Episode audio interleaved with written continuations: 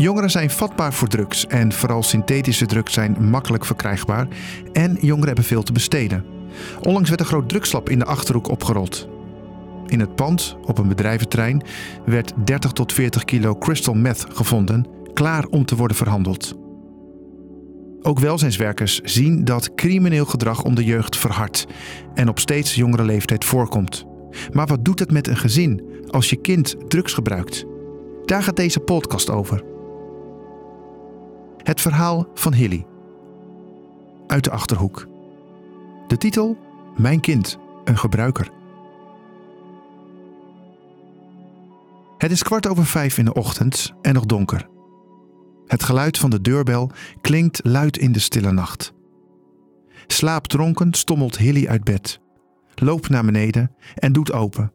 Ze schrikt als ze twee agenten ziet in uniform. We willen graag dat u meegaat, zeggen ze. Uw zoon ligt in het ziekenhuis en u moet afscheid van hem nemen. In het ziekenhuis aangekomen, ziet Hilly haar zoon in het ziekenhuisbed. Het ergste vond ik nog dat ik hem zag. Hij zat vastgebonden met uh, de polsen en de enkels aan de bed, aan de, aan de bedrand.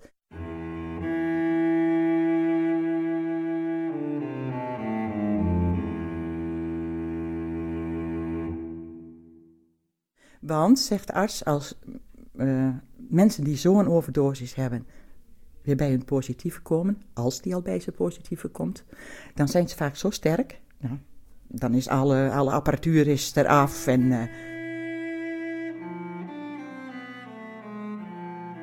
dan breek je. Daar lag hij. Geert. Niet zijn echte naam, maar wel echt de zoon van Hilly. Vastgebonden aan een ziekenhuisbed. Hilly was in tranen. Dit was echt een dieptepunt. Hoewel de problemen al eerder waren begonnen met Geert. Rond zijn zestiende, zeventiende. Of misschien nog wel eerder. Hij begon toen met alcohol. Later kwam daar drugs bij. Dat merkte Hilly aan de, hoe ze dat zegt, signalen. Geld was weg. Uh, waardevolle dingen waren weg. Ja, spaarpotjes werden opengebroken. En toen had ik dus echt zoiets van: maar waar blijft dat geld? En wie doet dat? Nou ja, dan op een zeker moment kom je er dus achter van, oh wacht even, dat, is, uh, dat doet onze zoon. Die meisjes deden dat niet. En, uh, ja, hij was uh, natuurlijk ook altijd al een beetje, ja, hoe moet ik dat nou zeggen, hè? Niet anders dan een ander, maar in zichzelf gesloten, heel ja, introvert was hij eigenlijk. Hij ontkende natuurlijk alles.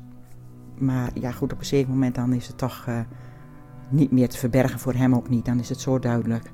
En dan zeg je wel van, nou, wat moeten we hiermee?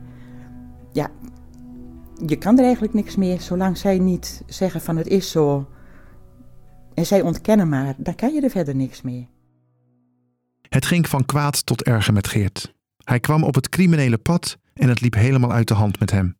Ik ben uit een heel diep, diep dal gekomen, hè? want ik, het was zover dat ik uh, uh, nou ja, het leven niet meer zag zitten. Ik had ook in mijn hoofd alles al voor elkaar. Ik denk, hier en daar gebeurt het en zo doe ik het. Zelfmoordgedachten, ja. Maar, nou ja, goed. Het is goddank niet gebeurd. Mijn geloof heeft dat dan toch eigenlijk nog wel weer tegengehouden. Hè? Ik van, het mag ook niet. En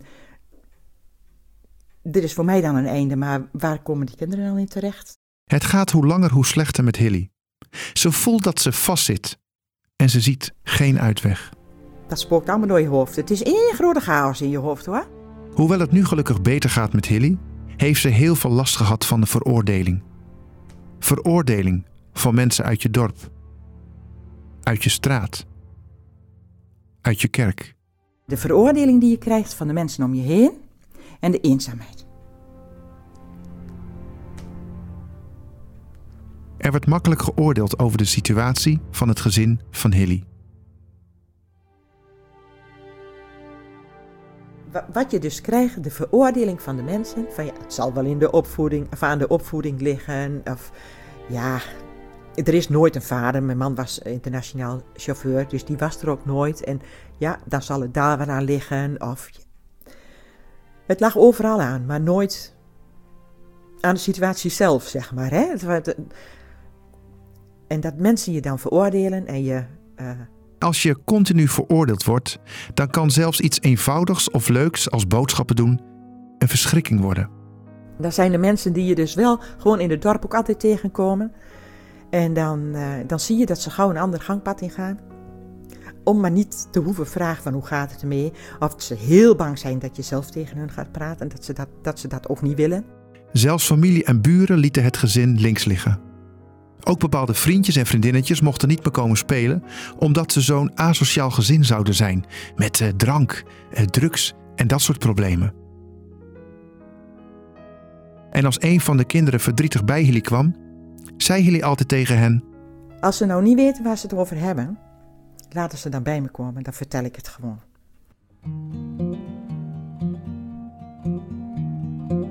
Onze dochter die had een vriendin, die mocht dus ook niet meer komen.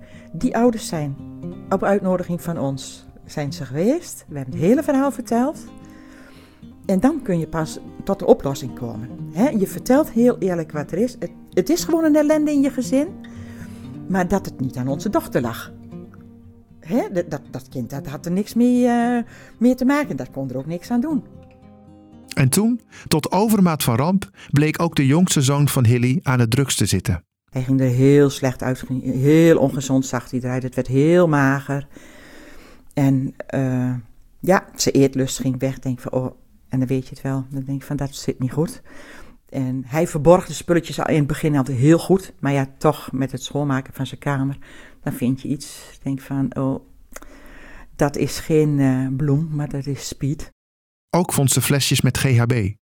Ja, en dan kom je van die ene probleem nog zelf ook. Hè? Dan kom je zelf in de problemen. Je kinderen zitten in de problemen, maar dan zelf ook. Nou is dat allemaal met medicijnen en alles eromheen. Is dat allemaal wel weer goed gekomen. Maar het is wel een hele eenzame periode waar je in zit. Toen is er bij mij ook een, uh, een epilepsie ontwikkeld. Omdat je onder constante stress, jaren onder de adrenaline zit, zeg maar. En dat, dat kan niet. Dat kan je hoofd niet, uh, niet bolwerken. Dat kan je hoofd niet, uh, niet bolwerken. Dat kan je hoofd niet, uh, niet bolwerken. Ja, het was heel eenzaam. Een ellendige periode geweest. Terug naar de oudste zoon die begon met het drugsgebruik en uiteindelijk zelfs in het ziekenhuis belandde. Hoe liep het met hem af?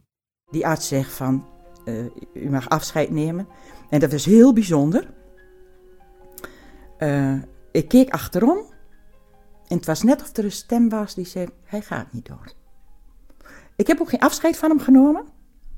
En ik denk, als, als die stem zegt van hij gaat niet door, dan vertrouw ik daarop.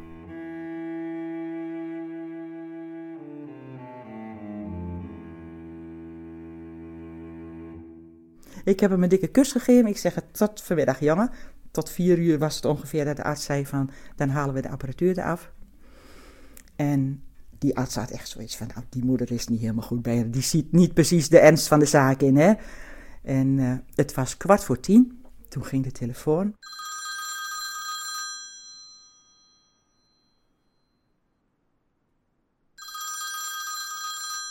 En dan denk je, het zal toch niet waar zijn, hè?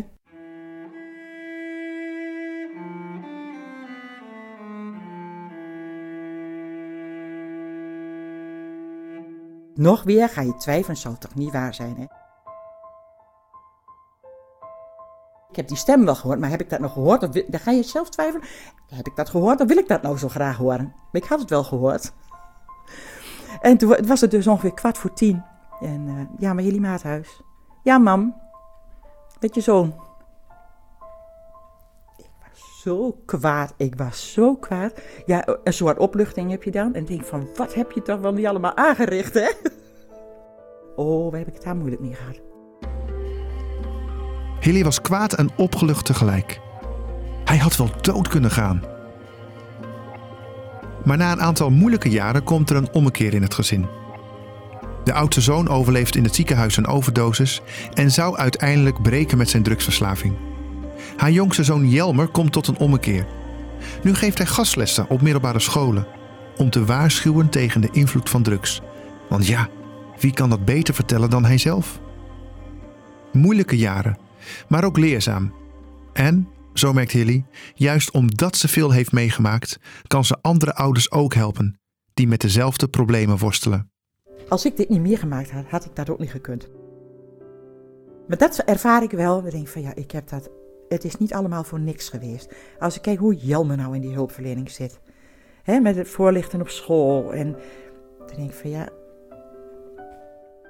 Het zal wel ergens goed voor geweest zijn. Ik, soms snap ik het zelf nog niet, uh, Ronald. Hoor. Maar goed, wij kunnen natuurlijk nu wel iemand anders daarin steunen en helpen. En daar ben ik wel heel blij mee. Je hoorde de podcast Mijn Kind, een gebruiker. Gemaakt door mij, Ronald Koops. Deze podcast is een productie van Waypoint Nederland. Met dank aan Grootnieuws Radio voor het kosteloos ter beschikking stellen van de opnamestudio. Waypoint is een onderdeel van TEDV en wil het ontstaan, de instandhouding en het terugkeren van verslaving voorkomen. Dat doet Waypoint door voorlichting, preventie en nazorg. Waypoint is de plek waar cliënten ondersteuning op maat vinden en mogen groeien in eigenwaarde en vrijheid. Voor meer informatie ga je naar www.benjevrij.nl. Luister ook naar de podcast van Jelmer, de jongste zoon van Hilly. In deze podcast vertelt hij hoe drugs het hele gezin kapot maakte. Toen werd ik super agressief. Toen heb ik thuis alles kapot geslagen wat er in mijn kamer was. Alles kapot getrapt. Ik heb alles naar buiten gegooid. En onderweg naar, uh, naar beneden kwam ik een deur tegen. Er zaten allemaal ruiten in. Die heb ik er allemaal uitgeslagen.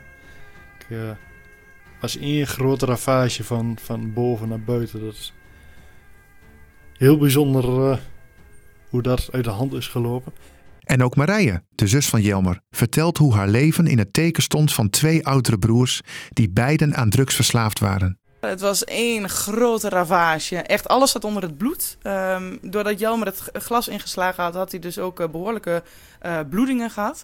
Die zelfs gehecht moesten worden uiteindelijk. Dus alles zat onder het bloed. Ze hebben nog met sinaasappels zitten uh, gooien op de een of andere manier. Dus het, je kunt het je niet voorstellen. Overal glas, bloed, um, kapotte stoelen. De podcast heet Drugs, een sluipmoordenaar. En je vindt hem op de bekende podcastplatforms door te zoeken op THDV.